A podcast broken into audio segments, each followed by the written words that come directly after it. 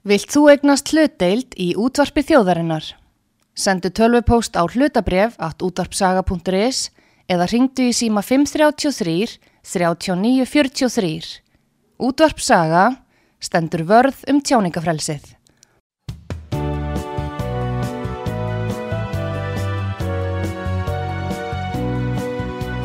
Sýteðis útvarpið á útvarpisögu í umsjón Pétur Skunlökssonar. Góðir uh, hlustendur, þið er að hlusta á útvarpsögu. Ég heiti Pétur Gunnlaugsson og gestur minn í þessum þætti er Gunnar Smári Egilson Blaðamæður. Velkomin. Já, takk fyrir.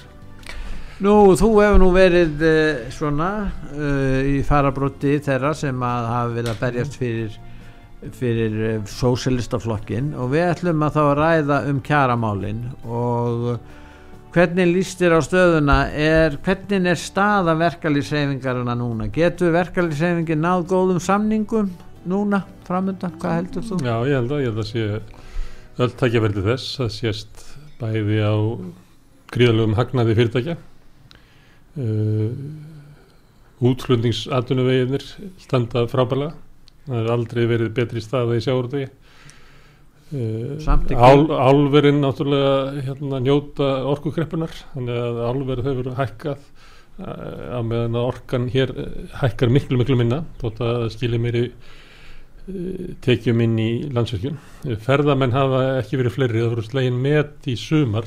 Það er eitthvað aðeins minna í haust en bara sjónamög minna.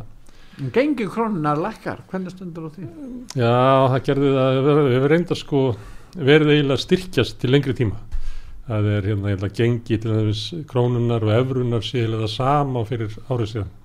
Svo styrti dollarin sig og þá hérna þá sagt, lækkaði krónan minna kakvað dollar heldur en efran þannig að raunverulega það er ekki fyrir bara allra síðustu hérna vikum sem að krónan hefur gefið eitthvað eftir. Ja, Verkefælisefingum er benda á að hagvöxtur í ár var 6,7% sem er ótrúlega hár hagvöxtur með að við það já, já, það var ferðarþjónustan lág niðri í fyrir, eða þú veist, já, var ekki búin að jafna sig. Þannig að þetta var kannski, kannski fyrir síður en hingað, hérna, það var aldrei verið sko fleiri störf á Íslandi Hagstofan var að koma með tölur núna í morgun, ég held að það sé 210.000 starfandi. Og ég ætla ekki verið svona 170 í hruninu. Þannig að það eru 50.000 störf sem áru til að nýja svona og það er líka eitt sem að, það má sjá það meiri sig að, að hérna að því það hefur, aðrunleysi er óvinnilátt uh, eftirspurn fyrirtæki eftir vinnuafli þegar það er reynd að meta það sérðu fyrir þér að bæta við starfsfólki uh, halda því óbreyttu eða segju fólki að þá er það, mann ekki hvort að vera yfir 80% fyrirtæki sem vantar starfsfólk. Og það eru náttúrulega aðstæður til samninga sem eru frábæri fyrir verkefnsreifinguna því að þú veist, segjum að er þið bara ekki samið þá mun þetta ástand leiða til launaskriðs og þú getur séð að í tölunum frá hagstofunni bara núna tvo síðustu mánuði að það er byrjað. En það kemur náttúrulega mjög ójöft fram, það kemur fram það sem er mesta eftirspurn eftir vinnuafli. Og það er þið bara látið gossa að þá fengjur sumir ríflega launahækkanir en aðri minna. En samningarnir snúast náttúrulega um það að, að að láta það einhvern veginn jafnast. Þannig það er eftirspöndið vinnuafli. Fyrirtækin hafa aldrei staðið betur hafa nú tekið það saman hann hjá Vaffer, tekið samanlaðan uh, hagnað fyrirtækjana í fyrra. Mm. ég held að þessi 470 miljardar launagreðslur á almenna vinnumarkaði eru svona held ég 1200.000 þannig að ef þú tækir það saman hagnaðinn og það sem er borgað út í laun og sem kakan sem er skiptana að þá hérna, eru 25% af kökunni sem að eigendunir taka sem hagnað. Og þar eru kannski á bakvið þú veist, þúsund manns. En í hinum megin eru sko 140 manns. Þannig að þá er þetta deilan um það hvernig þetta skipta þessu uh,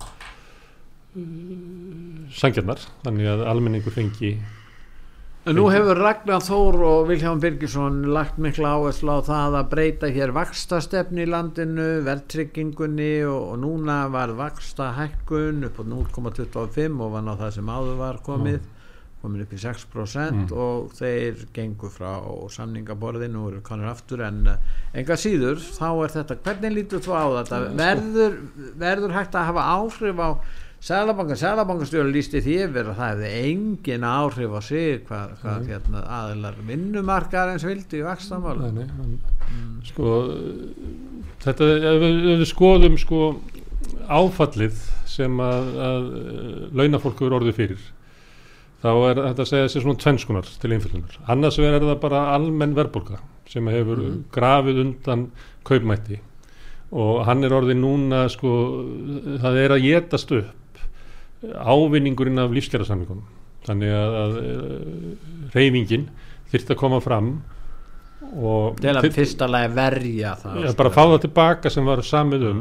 Síðan er það, það hefur orðið framleiðinu aukning og ég held að það sé hérna, mat flestra að það sé eðlilegt að uh, launafólki fái hlutild í því. Þú heldur ekki bara verðmæti launaðina heldur það að vera verðmæti launaðina pluss framleiðinu aukning og til dæmis uh, kröfur eblingar um 167.000 krónu hækkun lægstu launa. Á ákveðnu tímum. Já, þremur árum. Og þá þarf þetta að horfa þetta til langs tíma en þú ert að tala um 167 krónur á verðmæti krónunar eftir þrjú ár þannig að ef þú tækir þetta og myndir reikna þetta sama þá er þetta ekkert sko uh, þetta er raunverulega ekki hákrafa ekki verðbólgan að verði 5-6-7% Já, já, þetta er eiginlega bara krafa um, um hérna, að fá aftur tilbaka ávinningi sem náðist í lífskjærasamningunum mm. pluss framleinaukningin í samfélaginu sem hefur verið hingað til. Þannig að kaka launafólksins eða sneið launafólksins minki ekki.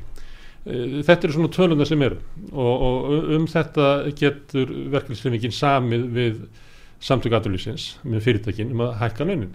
Hins vegar hefur það gerst og, og hefur náttúrulega alltaf eða lengi verið vandamál sem er húsnæðismarkaðurinn og hann hérna, leggst ja, greiðslubyrðin eh, út af húsnæðiskostnaði leggst mjög ólíkt á hópa. Eh, á árunum eftir hrun laðist það sérstaklega hart á leyendur þegar hérna, stór leigufélög reiksuguðu upp markaðin skopluðum saman í leigufélög skrúuðu upp leiguna. Eiga ja, og leigan hækkaði langt umfram verðlag, langt umfram fastinaverð og langt umfram hérna, launakostnað. Þannig að, en núna eftir að, að hérna,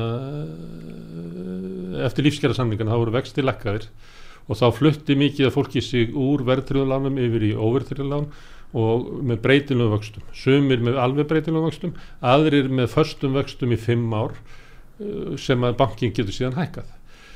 Þetta, þegar að Sælabanki byrjaði fyrir árið síðan að hækka vextina að þá var þetta fólk sett í rosalega vanda. Og það eru hérna hefur komið fram í almennum ræðu að, að, að greiðslubyrjun hækkar um 10.000 100.000 pluss hjá fólki sem er, á- sem er svona lán. Ef þú, þú skuldar þú veist 70% af, af sæmilega góðri meðalegn að þá ert að fá á því svona 80 til 100.000 króna hérna, viðbót. viðbót.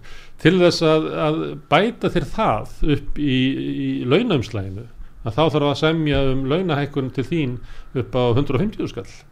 Og það er kannski óreinöft og líka kannski væri ekkit vegna þess að þetta er kannski 15% af heimilunum sem er í þessari stöðu.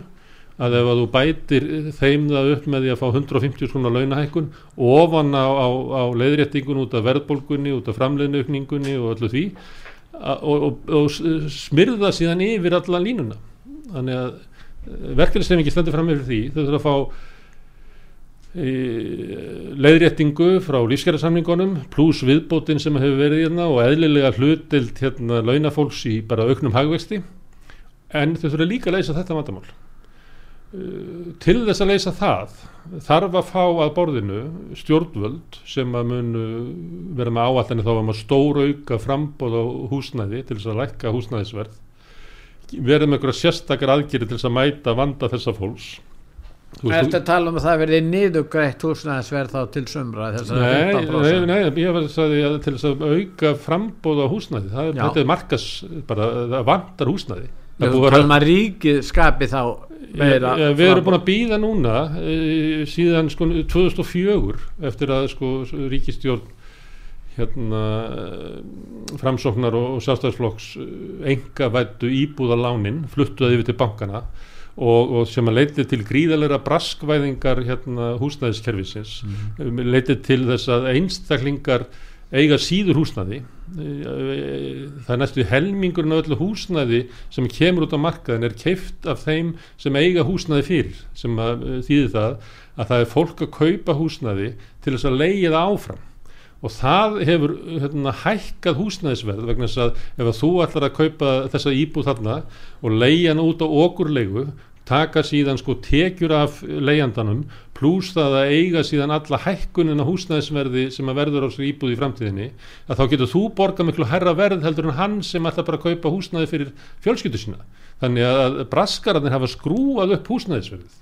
Og þetta er búið og, og, þetta er valdið því að húsnæðisverð hefur skrúast upp færri hafa geta keift það er bara hlutir þeirra sem íbúðir sem er í eigu eins aðila sem á bara eina íbúð hefur fallið úr eitthvað 72% í 62% þannig að sérregnastarna sem að þú ólst upp við það væri stefna sjálfstæðarflokksins og, og allra þess að hún er ekkert í gangi lengur. Það er í gangi núna. Að hluta. Nei, hún er ekki, það er verið að svissa það er vegna þess að lóða nei, lóða hérna hækkun á lóðaverði varðger í Reykjavík upp úr svona aldamótum. Já, það, við getum líka rættið það, það er ákvörðun sem Ég minna á, á, á, á þeim tími gamla dag þá eru gattangergjöld og annað 4% af mm. heldarkostnaði núna er lóðagjöldin komið vel yfir 20, 22, 4 þess vegna er þessi gífula hækkun Já, út af það, þessu. á, á, en það er ekki hægt að horfa fram hjá því. Nei, skal, lóð, lóðir eru núna seldar hæspjóðum og það var byrjað Ingi Björg Sólun Þa, það var gert þegar að hérna, aðstöðugjald var aflagt. Mm. Og þegar fjármagstekjuskattur var settur á þá var, var tekin, hluta fjármagstekjunum hafði áður verið skatlaður eins og launatekjur og báru útsvar mm. aðstöðugjald var eins og ús, útsvar hérna, fyrirtækja ja. það sem er borguðinn þetta var tekið af sveitafélagunum og sveitafélagin mættu þessu með því að í staði fyrir að útluta lóðum sem almanna eig, eigum þar sem allir hafðu sama rétt á að eignast með því að bjóðar upp þannig að bara henni ríkastu gott að kæfta það spennti upp hérna lóðaverð mm. og var þess valdandi að uppbygginga húsnaði fór frá almenningi eins og þegar þú varst ungur mm. þá var bara fólk að byggja sjálf Já. yfir í það að það eru kannski fjögur verktakafyrirtæki sem byggja allt í Reykjavík mm. og þetta er, bara, þetta er bara ótrúlega mistök sem hafa verið gerð sem hafa valdið því að, að húsnæðisverð hérna hefur orðið allt og há ja, það voru pólitísku félagsíkju öflið sem hækkuðu loðaverð já, já, ég var að fyrst var, eh, kemur ríkistjónin kemur ríkistjónin og afnemur tekjunar mm. þannig að, og, og, og, og svo er það líka þannig að ef þú lifir á tímum nýfrálsíkunar þar sem hugmyndin er svo að við getum ekki útluta lóðum við höfum náttúrulega bara bjóðar upp og fá sannvirði fyrir þar og sannvirði er þá það sem að ríkikattin er til í að borga það eins og það sé eitthvað sannvirði. Mm. og við megum ekki útdeila lóðum eins og sko almannagæðum þannig allir hafi sama rétt. Þá var það bara byðræðir byðræðir eru vondar, við skulum eigða byðröðunum að því bara hækka verði, þannig að fólki sem á ekki efna á kaupis hérna lóð, það bara hættir í byðröðinni og við seljum okkur það að þetta að vera árangur Þetta er náttúrulega vinstri menn inn í nýfrálsvíkinni, gáttu gert svona stjartfræðilega vittlega hluti, alveg eins og hægri menn inn í sko eftirstýrsára hagfræðinni gáttu tekið þátt í að byggja upp breyðoltið. Mm. Skilur, þannig að þetta hægur og vinn hvort þessi samfélkingin eða sjálfstæðarflokkurinn skiptir kannski ekki me megin máli. En þú ert að tala um gamla sjálfstæðisflokki hindi Reykjavík. Á. þá var flokkurinn þannig það var þrennt sem skipti máli fyrir þá þar. Þeir höfðu ákveðna stefni í uttaríkismálum sem var í anstöðu við aðra. Þeir hérna, stjórnuður stjórnuður Reykjavíkuborg og í þriðja lægi þá voru þeir með húsnæðistefnu þar sem menn gáttu fengið lóðir ódýrt og voru farnir að byggja sjálfur og, og svo frá þetta var þrennt, þetta var all, það var ekki frjálsíkja þá. Þetta var bara flokkur sem barðist fyrir þessu trennu frjálsíkjum kom bara, við getum sagt 78 Já, já, hún kom svo setna og, og þeir voru jafn duglegir að meðtaka hana Ingeborg Solrónis og aðrir. Ja, Það sem ég var að segja, sko, það er vinstri maður, vinstri maður á tímum nýfrálsíkunar þegar nýfrálsíkjan er samfélagssáttmálin mm. er verra fyrirbriði heldur en hægri maður á tíma sko, keinsismann og eftirsísórum mm. Bjarni Ben, eldri, gæti ekki þátt í að taka ákvörðum að byggja breyðaldi verkalýðshreyfinguna. Ingibjörg Solrún hérna, tekið eh, þátt í því að taka það ákvörðun að hætta útdela lóðum sem almanna eigum og selja þeim hæspjóðandi sem að þýtti það að ríkasta fólkið og öflugustu hérna, verktakafyrirtæki sem hafðu best aðgengi að fjármagni gáttu keftað upp. Og það vel, veldu, veldu því að þessi fái verktakafyrirtæki stjórna markanum og alltaf þegar þú færð fákefni og einokun svona, þá, þá er það betra fyrir þau að framleiða minna og halda verðin uppi. En í, í, í tengslum við þetta í samengi við þetta Gunnar þá eru bensínstöðvar hér út um allt alla borgina. Og nú að leggja þær af. Og síðan á að byggja geysilega mikið byggingamagn Mm. íbúðabyggingar á þessum bensínlóðum. Ná, þetta er, þetta er nýja tegunda braskinu sem er að koma hér inn og er að þessari, þessi meiri hluti stendur fyrir. Ég veit að þinn flokkur er í stjórnar anstöði hjá borginni. Mm. ég gerir ráð fyrir að þeir munu vera á móti þessu. Höfum skrifað Ég- en ég meina þarna sjáum við að, að þarna erum við að tala um mörg, mörg hundruð íbúðir og þarna fá þeir lóðirnar gegn því að, að, og, og fá að teikna þarna á þessu og, og borga ekkert fyrir það Nei. þó jáfnvel þótt að leigursamningurinn er að renna út Mm. og þannig er fáður fyrir ekki neitt Já. ef þetta er nú ekki ef þetta er ekki sko þú ert að tala um frjálsíkju þetta fer út fyrir frjálsíkju þetta er bara, þetta er bara klá, Frjál- klá, klár spilling Frjálsíkjan er náttúrulega endar í ólíkarkisma þar sem að þeir sem já, að eru með já, peningana já, já, en, en þú sér nú En ég hvernig þetta er. vil að ég tala um þetta, um bensinstöðunar Já, já. ok. Það er þannig að, að það uh, á að fækka bensinstöðum og þeir, þeir, þeir, þeir mun fækka. Það mun fækka bensinbílum þannig að það verður bara minni þörf á bensin, bensinstöðum og einhverju bríari þá ákveður hérna, meiri hlutin að gera samning við bensinstöðunar um að útluta þeim byggingaleifi byggingaleifi á ég held ég að rekna þetta upp í þetta er svona nýju miljardar sem að meiri hlutin gefur þessum nýju miljardar og það byggir bara á, á uh, sölu á sambærlegum reytum sem hafa verið seldir eins og ártúnsoltið þegar það var selt á okkur, þá voru okkur menn sem að höfðu tengst gamma sem sem sagt, keift lóðina af hérna uh, hvað heitir það hérna sem var með sanddælingarskipin já, Eh, Já, stóð yðnaðalóð þannig að höfðu keift það komið í einhvern veginn í svona gegnum skipulag samtíkt þarna eh, bygging á fleiri hérna, tugum íbúða og svo selja það aftur og, og kassa inn svona 5 miljardar saman gerist með orkureitin að það var selt með eitthvað svona 4-5 miljardar hagnaði. Og þá var það þannig að, að, að þú kaupir ykkur á lóð, færði ykkur á skipulað stendur ykkur í vesinni og samningum við meirlutinni í borginni um að fá aðeins eina hæð ofan á þarna, eina hæð ofan á þarna svo selur þetta bara. Og það er sama munu þeir líklega gera olíufélögin. en það hafa þau hækkað til dæmis gengi til dæmis er hækkað af því að það er hluta til út af þessu held ég. Og þú ert hérna ert í skipholtinu, hérna í nágreininu er sjálfstæðislokkurinn að gera það sama. Já. hann fær allt í einu byggingarleifi fyrir hann er að byggir alveg út í lóðar mörg og fer núna og bara um leið og þetta er komið í höfn að þá byrjar hann með eitthvað svona rosalega derringum að nú þurfum við að lækka styrki til stjórnmálaflokka að því nú þarf hann ekki að á því halda því hann er að taka hann inn svona 1,5 miljard í, í að þeir vilji lækka styrki Já, þeir þess segja það, þeir eru með svona einhver derring. Að þeir nú geta það vegna þess að þeir hafa verið eiginlega bara bjarga sig frá gjaldróti með því að hækka sífælt sko, sífælt styrkina. Þegar, þegar Bjarni Ben tók við þá átti sjálfstæðarflokkurinn valhöld skuldlösa núna hafa þeir eitt öllum sjóðunum sem er áttu pluss það að, að, að valhöld er orðin skuldsett fyrir sko 600 uh, miljónir það er það sem að sko sjálfstæðsflokkurinn hefur þurft að borga í peningum fyrir að hafa Bjarnabenn sem formann það er, það er dýrt að vera sérst alltaf að reyna að sannfæra almenningum að kjósa hann. En þetta með braskum lóðir sem við getum ekki að sé hvernig það breytir Reykjavík áður en að lóð, lóðir voru seldar og, það var talið rétt að ná hámarksverð út úr lóðum að þá voru hæðstu byggingarnar á hólunum og lægstar niður með sjó. Og það, þetta er bara klassísk aðferð við borgarskipulag. Þannig að allir fá útsýni. Allir fá útsýni til fjalla allir fá sól úr söðri og allt þetta.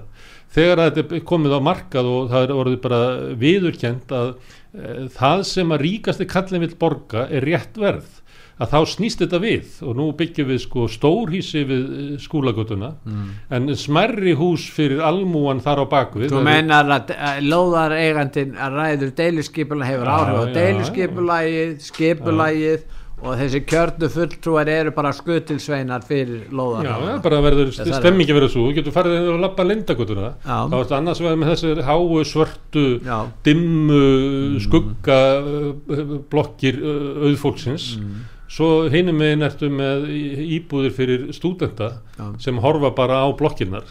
Þannig að, að, að með þessu fyrirkomulagi var eiginlega esjan seld hinnum ríku en, en fátakin nemar fá ekki að sjá esjuna lengur. Og ymsir fleiri hafa hættan bak við mist útsýn Já, þau sem að byggja hana áður fólk sem, að, og sem að var alveg upp á hverfiskötu sem að var fólki sem endur reist í miðbæinn. Því að ef að því að tala um þegar þú varst ungur þú varst Já. nú uh, yngri allavega svona kringum 1990 þegar að og sko kannski 80 til 95 að ef þú bara reynir að rifja upp í hugunum breytingin sem verður á Grettisgötunni, Njálsgötunni, Lindagötunni ótrúlegt orka sem að fjölskyldur hérna, lögðu í það að, að taka gum, gamalt húsnæði, Já. gera það upp gera það bara breyttist algjörlega miðbæri og bara kom í ljós svona þau verðmæti það var eftirsótt að vera í þessum og gera upp Ja, þessum svo enda fyrst koma uh, þau fátaku sem gátt ekki búið annar staðar og ákveðu bara að, að leggja Selja. sjálfvinnu í það að gera þetta við. Síðan komu þeir svo frá aðeins betur settir. Síðan þegar þetta er orðið búið að endur þess að miðbæinn að þá kemur sko ríkafólkið og borgarskipulagið rýfur sumt að þessum húsum til þess að tróðin meira byggingamagni b- reisir blokkir sko við hérna, skúlagötuna þannig að, að fólki hættir að sjá esjuna og, og, og hérna umbreytir sko miðbænum í eitthvað, í eitthvað sem að minni bara á, á ég veit ekki, borgatún eða eitthvað. Þú hljó, hljómar eins og maður sem hefur heldur vilja að fá meiri hluta gamla sjálfstæðisflokksins í, í Reykjavíkur. fyrir, hérna, fyrir hérna, áður en að fólki komi í miðbæinn fyrir hérna þegar vinstri menn na- blessunarlega náðu meirilutunum og við þurfum ekki að deilum það hvað afstöðu almenningur hefur til þess. Almenningur í Reykjavík hefur hafnað sjálfstæðarfloknum hann var með fi- fjö- Já, 50% fylgi. Hann er núna heppin ef hann er 24% fylgi. Já, þannig að þú veist það er Tapið hans er mest í Já, Reykjavík þannig að það er mjög, mjög, erfitt fyrir þig að vera að halda þig fram einhvern veginn að, að, að, að, almenningur í, í Reykjavík sé að fá eitthvað annað en að bað um og vilji fá sjálfstæðarflokkin aftur en bara vill það ekki. Ég segi ekki það vilji, ég segi að þú myndir kannski vilja það vegna þess að miða við þessa forsendur sem þú gefur í skýringu þínum á þróun hérna fastegnamarkar eins og á ákvöndu svæð að þá kom unga fólkið, fátaka fólkið eh, sagt, og gerði upp húsin í sem voru í algjöri niðuníslu það var húsnæði stefna sjálfstæðarflokksins að láta gamla miðbæinn bara grotna niður og eðalækjast vegna þess að sjálfstæðisflokkur sá fyrir sér að þarna væri tækifæri fyrir braskarana að koma og byggja eitthvað upp. Það vildi svo til að það var síðan samfélkingin og erlistin sem að framkvæmdi það fyrir sjálfstæðisflokkin sem að færði raunverulega dýrulóðunar í miðbænum til braskarana svona er, er, getur þetta verið öfugsnúið Góðir en hlustendur þetta ekki að tala um kjaramál Já, við ætlum að halda því áfram eftir hlje en góðir hlustendur þið er að hlusta á útvar sögu og ég heiti Pétur Gunnlaugsson og ég er að ræða hann Gunn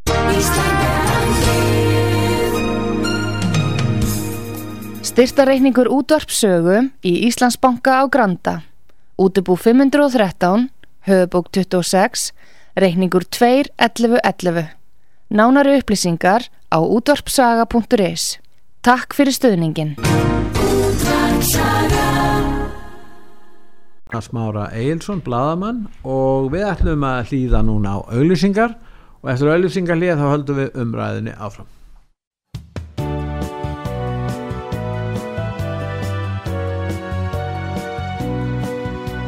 Síðdeðis útvarpið á útvarpi sögu í umsjón Pétur Skunlökssonar. Góðir hlustendur, þið er að hlusta á útvarssögu, ég heiti Pétur Gunnlaugsson og gestur minn í þessum þætti er Gunnar Smári Egilson, bladamaður. Nú við vorum að ræða um kjaramálinn mm. og kannski að ef við förum út í það hvernig e, líst þér á það að þetta ná í gegn og á góðum tíma.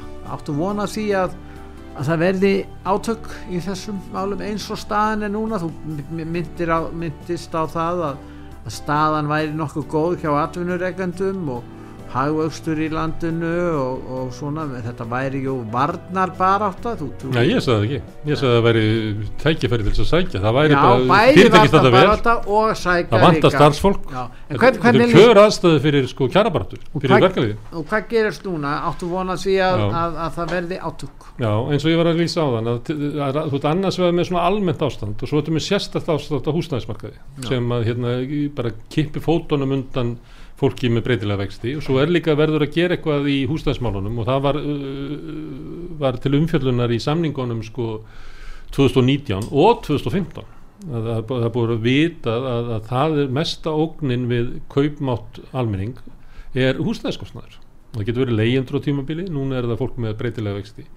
Þannig að, að það hefur lengi verið vitað að, að, að til þess að mæta þeim vanda. Og sá vandi bytnar á þeim sem eru fátukastir þeir sem að hérna, eigi ekki efna á að kaupa eru ungir, e- eru láluna fólk að það er rakið út á leikumarkaðin síðan er það kannski lægi fyrir ofan það sem að rétt sleppur inn og til þess að geta keift hérna, freistæðist til þess að taka lána á, á óvertröðum vöxtum sem að, Áskir Jónsson skrúa núna upp öllu valdi og kippir fótunum undan fólki.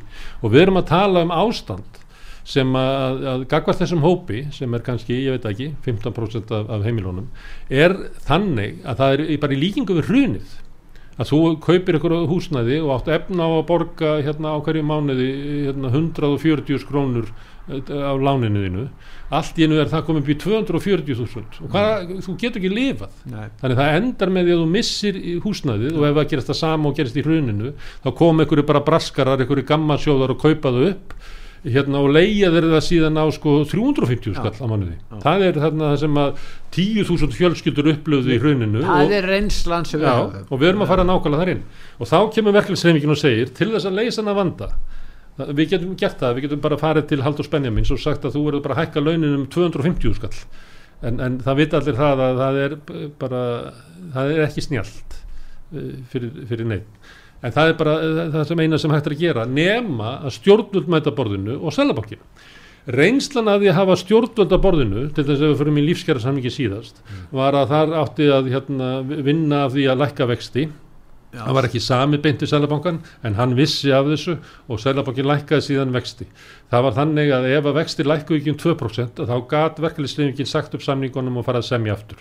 Þannig þetta var eins og raut strík eins og hétt í galanda og, og það gekk eftir ef að stjórn, stjórnvöld komu og þau lofuðu að, í, að til mótvægis við lækkun vaksta að vera með aðgerðir í húsnæðismálum þannig að lækkun vaksta myndi ekki sprengja upp húsnæðisverði það átti að auka frambóð á húsnæði sem að stjórnvöld sviku.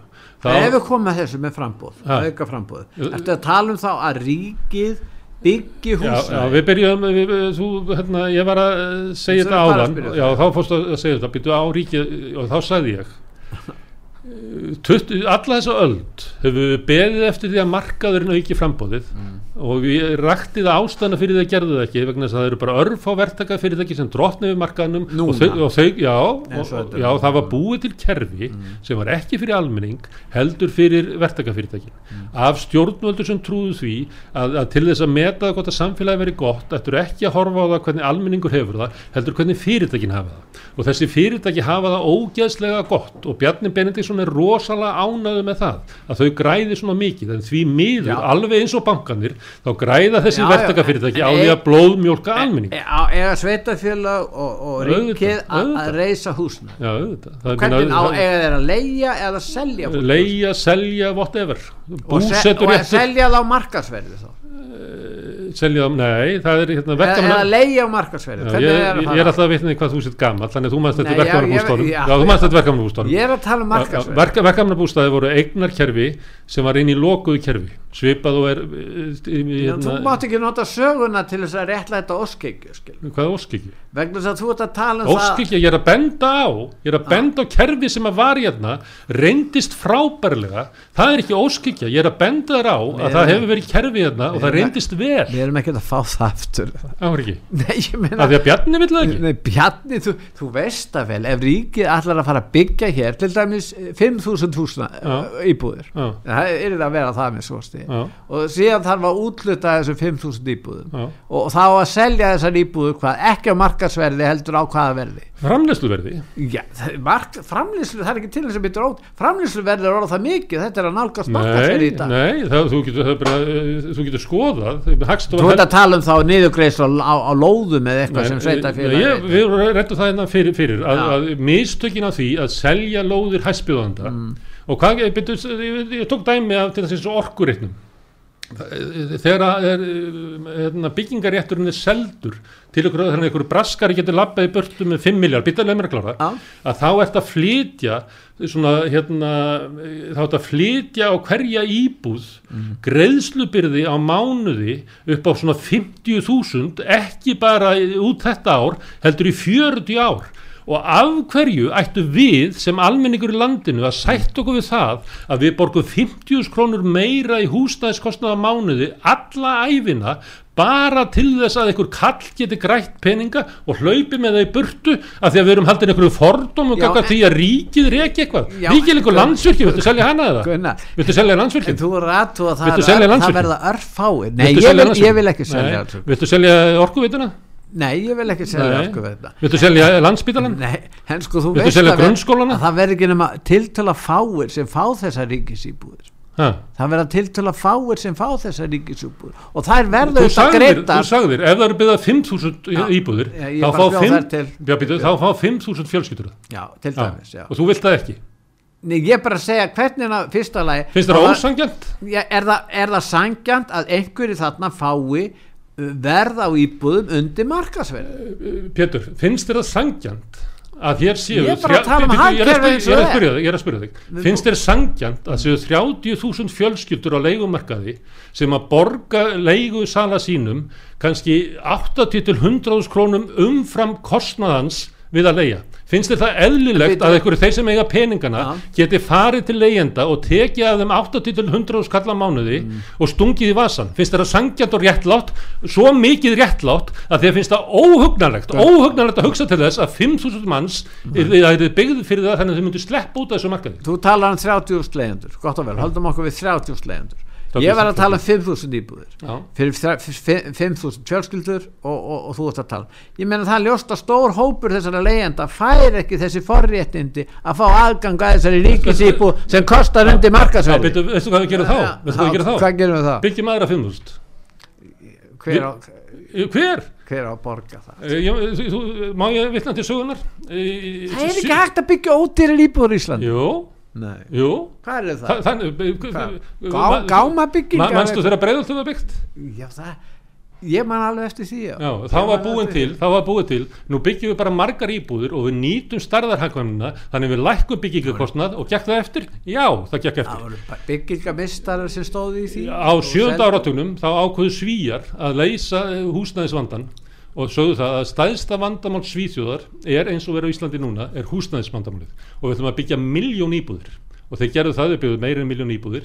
Og eh, menn sem að lifðu þennan tíma segja Það voru fastina félag sem gerði það. Nei, það voru ekki Líka. fast Nei, nei, bara algjörlega rántjöður Ætla að segja að ríki hafi byggt miljón íbúður Það voru byggðar á vegum sveitafélagana með peningu frá ríkinu þannig að, leigufélögin í Svíþjóð eru meir og minna í eign hérna uh, sveitafélagana til þetta við það til hliðar við það var til leigufélag leigufélög sem eru í, í hérna, eigu félaga. Mm. það er hins vegar hérna, leigufélög sveitafélagana sem stjórna verðin í Svíþjóð.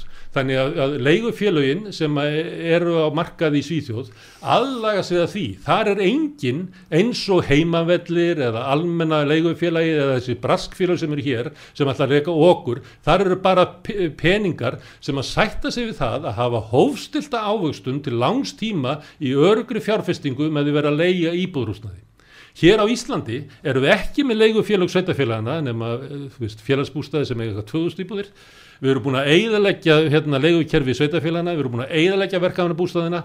Þeir sem að stjórna verðinu eru braskararnir sem þrýstu verðinu. Á móti var samið um 2015 og svo ítrekka aftur í 2019 um að búa til bjarg og þeir, bjarg er búin að byggja sko 700 íbúður þörfin á íbúðurum, það eru sko 30.000 heimili sem eru först á leigumarkaði. Við getum kannski sagt að 10.000 af þeim sem hefur skaplega leigu, annarkvæmt félagsbústuðum eða eitthvað starf með skaplega leigu sem eru 20.000 heimili sem að líða önn fyrir að vera á, á, á, á leigumarkaði. Og það hefur byggt 700 íbúðir síðan 2015 ára og 7 árum, það eru 100 íbúður ári. Það vantar, eins og ég menn ágæðist tala þess að þú segir, 5.000 íbúðir, svo til að byrja með. Hm og það er það sem að samfélag gera. Og gerði það á síðustu öll svíjarni gerði þetta, breytarni gerði þetta þú veist eftir stríð þetta gera samfélag, hver, hver er mest í vandin í samfélagin okkar, það er húsnæðismál. Og hvað gerum við því, við byggjum auðvitað.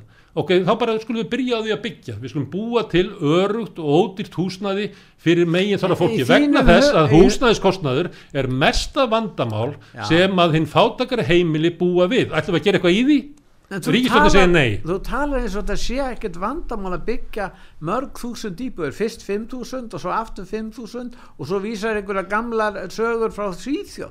Ég meina við erum bara að horfast Gamla í augu Já við erum bara að horfast í augu við það sem nei, er að gerast í dag. Pétur. Við getum Pétur, ekki ég, ég, ég Hvað kostar að byggja 5.000 íbúður? Pétur, ég ætla að taka því ferðalag. Ímyndum okkur það. Að ég geti bara flóið og ég tek á held á þér.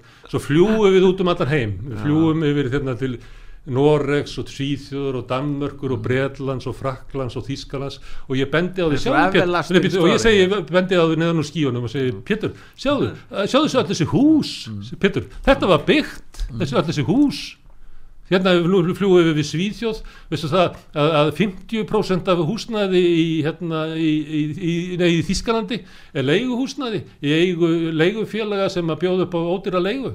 Nú fljóðu við við Austuríki, fljóðu við Vín. Veistu það að 65% af húsnaði hérna er leiguhúsnaði og er ódýrt og þú tala núna við mig eins og já það sé bara eiginlega óyfirstígalegt fyrir mannskeppnuna að byggja 5.000 húsnaði í Reykjavík. Ekki mannskeppnuna, ég er bara að segja það að það kostar ein, lámark 1 miljard að byggja 20 íbúður hvað er það?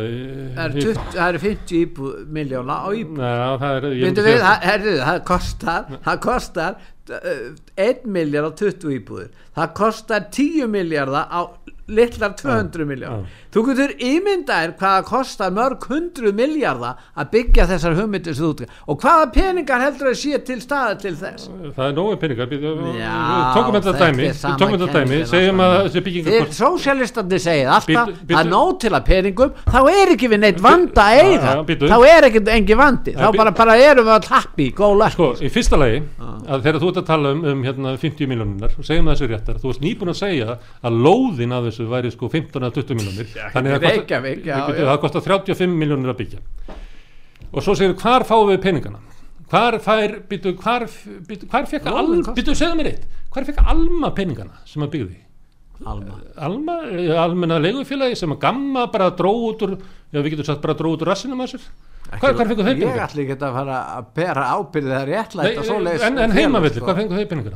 Komu þeir bara með marga miljardar? Nei, þeir, þeir fengu forréttindastöðu að ganga að egnu að vera að ganga egnu fólk þeir fengu þetta fyrir líti vegna þess að þeir voru í pólitísku sambandi við þá sem að það var ekkert annað en spilling. Átt ekkert skilt við frálsíku En komuðu með pening? Nei, nei, nei, þetta er allt lána En, en það sér, veistu hvað Íbúrlandsjóður skuldar núna? 200 miljardar Akkur er það sé Það er ekki Nákvæmlega Málið er það Pétur, þú þarf að draga umræðan út í villus Þá svara þessu, þú segir hvað er að peningarnir að koma? Peningarnir, þegar þú byggir húsnaði þegar þú byggir húsnaði og leir það út sem er nöðsinn til fólks sem að þannig að þetta er örugasta fjárfyrsting sem þú getur gert þá getur þú tekið lán. Þú þart ekki að koma og borga kass það sem maður borgað, vegna þess að þú ert að byggja og þú veist að það munu koma inn tekjur, annarkot selur íbúðina eins og var gett í verkefnabústofunum eða að þú leir hana. Þannig að, að þegar þú leggur af stað að þá er fáránlegt að segja eitthvað hvað kostar að búið, hvað varstu með á þann 5.000 íbúðir. Ég verði að tala um já, 5.000 íbúðir. tala um 20 íbúðir sinna 50 miljónir og þá heldur þú að þú eru 250 miljardar til þess að gera það. Það er ekki svo vegna þess að þú getur öruglega að tekja lán fyrir 80% af þessu sem eru 200 það er að kosta 50 miljardar það kostar 50 miljardar að byggja, segjum það. Er það að segja að þetta leysa húsnæðisvanda íslendinga með þessum hætti? Auðvitað. Já, hvernig heldur að fólki ég, fyrir flaug, ég flög með þig um. Evrópa áðan. Já. hvernig heldur að húsnæðisvandi hafi verið leistur heldur að hafi verið gert með einhverju nýfrjálsíkju hætti veistu hvað nýfrjálsíkjan hefur byggt? býr í kofum út um allan heim. Nei, veistu hvað nýfrjálsíkjan byggir? Hún byggir sko stóra turna fyrir fjármagnið inn í miðbæjanum og svo fyrir utan bæina eru bara eh, hérna, hjólhísabyggðir eða einhver reysi þannig byggir það. Fyrir, er fyrir nýfrjálsíkjuna Þetta er óskikja og draumsýn Alveg eins og því hvaða þetta? Þið lifið í drauma heimi alveg svo O- Ossi Osborn Í hvaða heimi lifir þú? Það er þið sem Hvernig he- heimið þeim hvernig- Og þess vegna stiðið þið efnaðstefnu sem er missefnuð og heitir Pétur sem byggir á draumárum og, og Í hérna hvaða óskikja hryllingsheimi hefur lifið þú? Hvar heldur að Danir hafi byggt húsnæði sitt? Já, hvernig byggðu Danir húsnæði sitt? Heldur þú að enga framtæki hafi ekki komið að því líka? Sára lítið, hvernig byggðu Danir húsnæði sitt? Ég sagði hvernig Ég- svíjandi byggðu. Ég ætla ekki Hvernig, að byggðu það er- eru miklu minn færri sem að leigja í Norri heldur en í Svíþjóð í Hvernig Danmörku. var það hjá Hvernig byggðu normenn? Þeir niðugreittu lán til einstaklinga til þess að þeir getur keift vegna þess að það að byggja yfir almenning er frumskilda samfélagsins. Og það hafa samfélag gert út um allan heim og það, veistu, hvernig, hvernig það verið að lukkast? Það verið lukkast frábærlega. Þegar gamla íhaldið var hérna í Reykjavík og það menn gáttu fengið lóðir þá voru það 90% af fólki sem átti sína regni sjálf mm. Þa, það var ástand sem hefur verið betra heldur en nokkuð tíman ástandi í dag. segðu og fólki, það byggði segðu og fólki það- sem bjóðu höfðaborginni segðu fólki sem bjóðu í laugarneskampi. Hvað með fólki sem bóði björgunum? Það var, var hjálpað inn í Með- að byggja aðrar íbúði fyrir það. Það var Nei, gert, nei, það var ég veit alltaf ég þekki gera til þess að reynsa út hérna, höfðabókina Já, það var ekki sjálfstæðisflokkur um einhverju góðu hjarta. Þeir það neittust til þess að gera þetta. og þeir hafðu sætt sér við það að fólk bjó hérna í reysum alla tíð þanga til að þeir mættu í samninga og þeir voru neittir til þess að samþykja breiðholtið efnahagskerfi það er ekki að byggja hjartalíi heldur raunsæi Ég, raunsæi raunsæið, ég er að segja það. Raunsæið er eins og húsnaði hefur verið byggt upp í Danmarku Svíþjóð, Þískalandi Austuríki, Fraklandi það er raunsæið En og það hefur verið gert með tilstulan opibera aðila Já. Sem hafa sínt ábyrð með því að byggja upp húsnæðiskerfi og lina þjáningar fólks sem að er ofurselt einhverjum landlordum og okkur köllum á leigumarkaði það hafa samfélögin gert í kringum okkur í gegnum söguna en núverandi ríkistjóðna það er ekki að gera það og þú ert að spyrja mig um hvernig samningarnir færu og ástæðan er svo uh, ef ég má koma aftur að því, svo við endur þar Já. að, hérna, að, að til þess að ná samningum þá þarf þurfa stjórnvöld að koma að borðinu og leysa húsnæðisvandan Bjarni Benediktsson og sjálfstæðisflokkurinn er óhæfur til þess. Þegar að Katrín Jakobsdóttir kallaði aðila vinnumarkaðis á á fundi í stjórnaráðinu mm -hmm. er Katrin óhæf til Veitu, þess þegar hún var að tala við og reyna að slökka elda eftir að, að sko vaksta hækkunin hafi sprengt upp viðræðunar þá mætti Bjarni Benediktsson að fund hjá viðskiptaráði sem er hans raunverulega kjördæmi og, og stutti s- hérna selabankan og lísti því yfir að vandamálið í íslensku samfélagi væri verkalýsreyningin sem að væri að gera kröfur um of háar launahækkanir og of miklar kröfur á um breytingar á íslensku samfélagi. Hann var að segja það að það sem að við þurfum að gera er að halda niður í kjörum almennings til þess að fyrirtækin græði sem mest því að þannig verður samfélagið okkar best og þegar hann sagði okkar átt hann ekki við mig og þig hann áttu við hann er fólki að sem tala var um einunguna fyrirtæki sín Já, sem að voru á að viðskipt- tala um. viðskiptaráði. já, og ástæðan er svo að, að samninga mun ekki nást er að Bjarni mun ekki geta samþýtta og að verkefnisreifingin vonandi er búin að læra það að þegar þeir geru samningana 2019 þá uh, hérna, var ríkistjórnum með lofórð um að efna ímsa hluti. En þarf hann að hverfu ríkistjórn til að þeir, samninga þeir, þeir strönduðu það er bjarnar hverfu ríkistjórn til að eh, já, þeir strönduðu hérna, lofórð ríkistjórnarnar strandaði á sjálfstaflókum það var ekkert gert í sambandi við leigum hérna, markaðin þótt að það hefur lofað því að lækka leigu, styðja félag leigjenda, setja á leigu þak og alls konar, sjálfstaflokkur sveik það. Það var lofur um það að hérna, takmarka aðgengi að, að verðtryggingu. Uh, sjálfstaflokkur sveik það verðtryggingin er fyrst og fyrst vörd fyrir fjármagnið það var lofur um það að stór eflað húsnæðisuppbyggingu sjálfstæðisflokkurinn sveik það vegna þess að það er stefna sjálfstæðisflokksins að skilja húsnæðismarkaðin eftir í höndunum á bröskorunum til þess að þeir geti grætt sem allra mest Já. þess vegna er að, að, að, að, að það eru draumórar að halda að þú getur náð samningum um skaplegt samfélag þegar að sjálfstæðisflokkurinn er við borðið. Það má vera að hann skrif undir og segja já eins og sjálfstæðisflokkun er í dag. Já, og hann, hann getur vel verið að skrifa undir og segja já, en hann veit það að hann mun ætla að svíkja það og þannig hefur hann svíkið allt þegar það kemur að því framkvæmdini að þá segir hann já, það er nú erfið, erfitt að ná þessu í gerðum þingflokkin og bla bla bla bla. Þannig hann er bara, hann er bara maskína sem er bara vön að svíkja öllu sem hann lofar gagvart almenningi. En hann stendur við hvert einasta orð sem hann segir gagvart hérna, fjármagninu uh, og þessum hvað það séu svona 15-16 ríkustu fjölskyldulansis sem hann vinnur fyrir Já, áttu von á því að uh, niðurstaðan úr þessum viðræðum hérna, vinnu, alla, alla vinnumarkaðinins eigi eftir að uh, lenda á góðum stað með að við húsnæðismálin eins og þú sæðir á Nei, ég held að ef að þeir sem eru að semja fyrir hönd með að við þínar kröfur sko eins og þú setja þetta er ekki mína kröfur, þetta eru kröfur hérna alþjóðunar Já, já, þíns flokks þetta eru kröfur hérna, er verkafólksins í starfskriðarsambandinu, í eblingu, í vaffer í, þetta eru bara kröfur En hva- almennings hvað náðir langt og hvers vegna? Geta þér náð langt og hvers vegna ekki?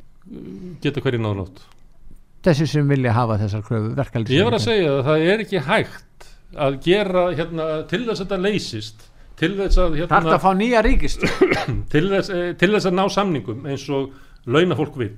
Það er að stjórnvöld komi með aðgerðir í húsnæðismálum til þess að lina þjáningar þeirra sem er í vondri stöðu þar. Þar sem að þetta er stæðsta vandamáli sem að þetta fólk glýmir Þetta tala um 15% 15% sem að voru Já, með hérna, breyturuvextina ok, já. svo ertu með sko, hérna, 20% sem eru á leigumarkaði. Já. þannig að við erum að tala um rúmlega þriðjungina fólki.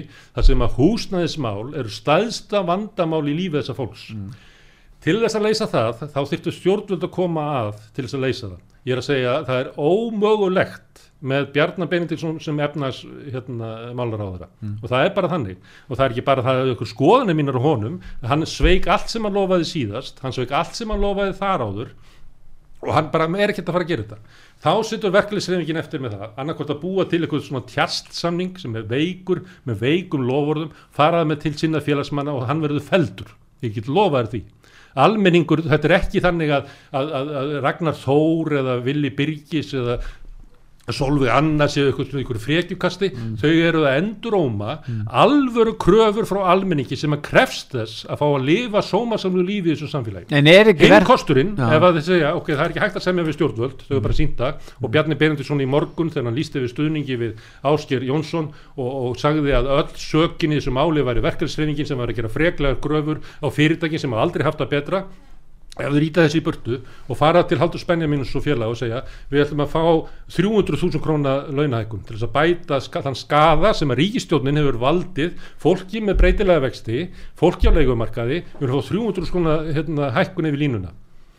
Ég sé ekki að Haldur Benjamin og félagar muni gera það. Er- þannig að þá er niðurstaðan löngverkvöld skæruverkvöld út um allt samfélag harðar hérna kjaradeilur því að þá kemur bara í ljós getum við sætt okkur við það að það sem að mikill meiri hluti almenningsvill sem er skaplegt samfélag þannig að fólk sé ekki að þjást í óþarfa út af húsnæðiskostnaði, sé ekki að þjást í óþarfa út af leigumarkaði.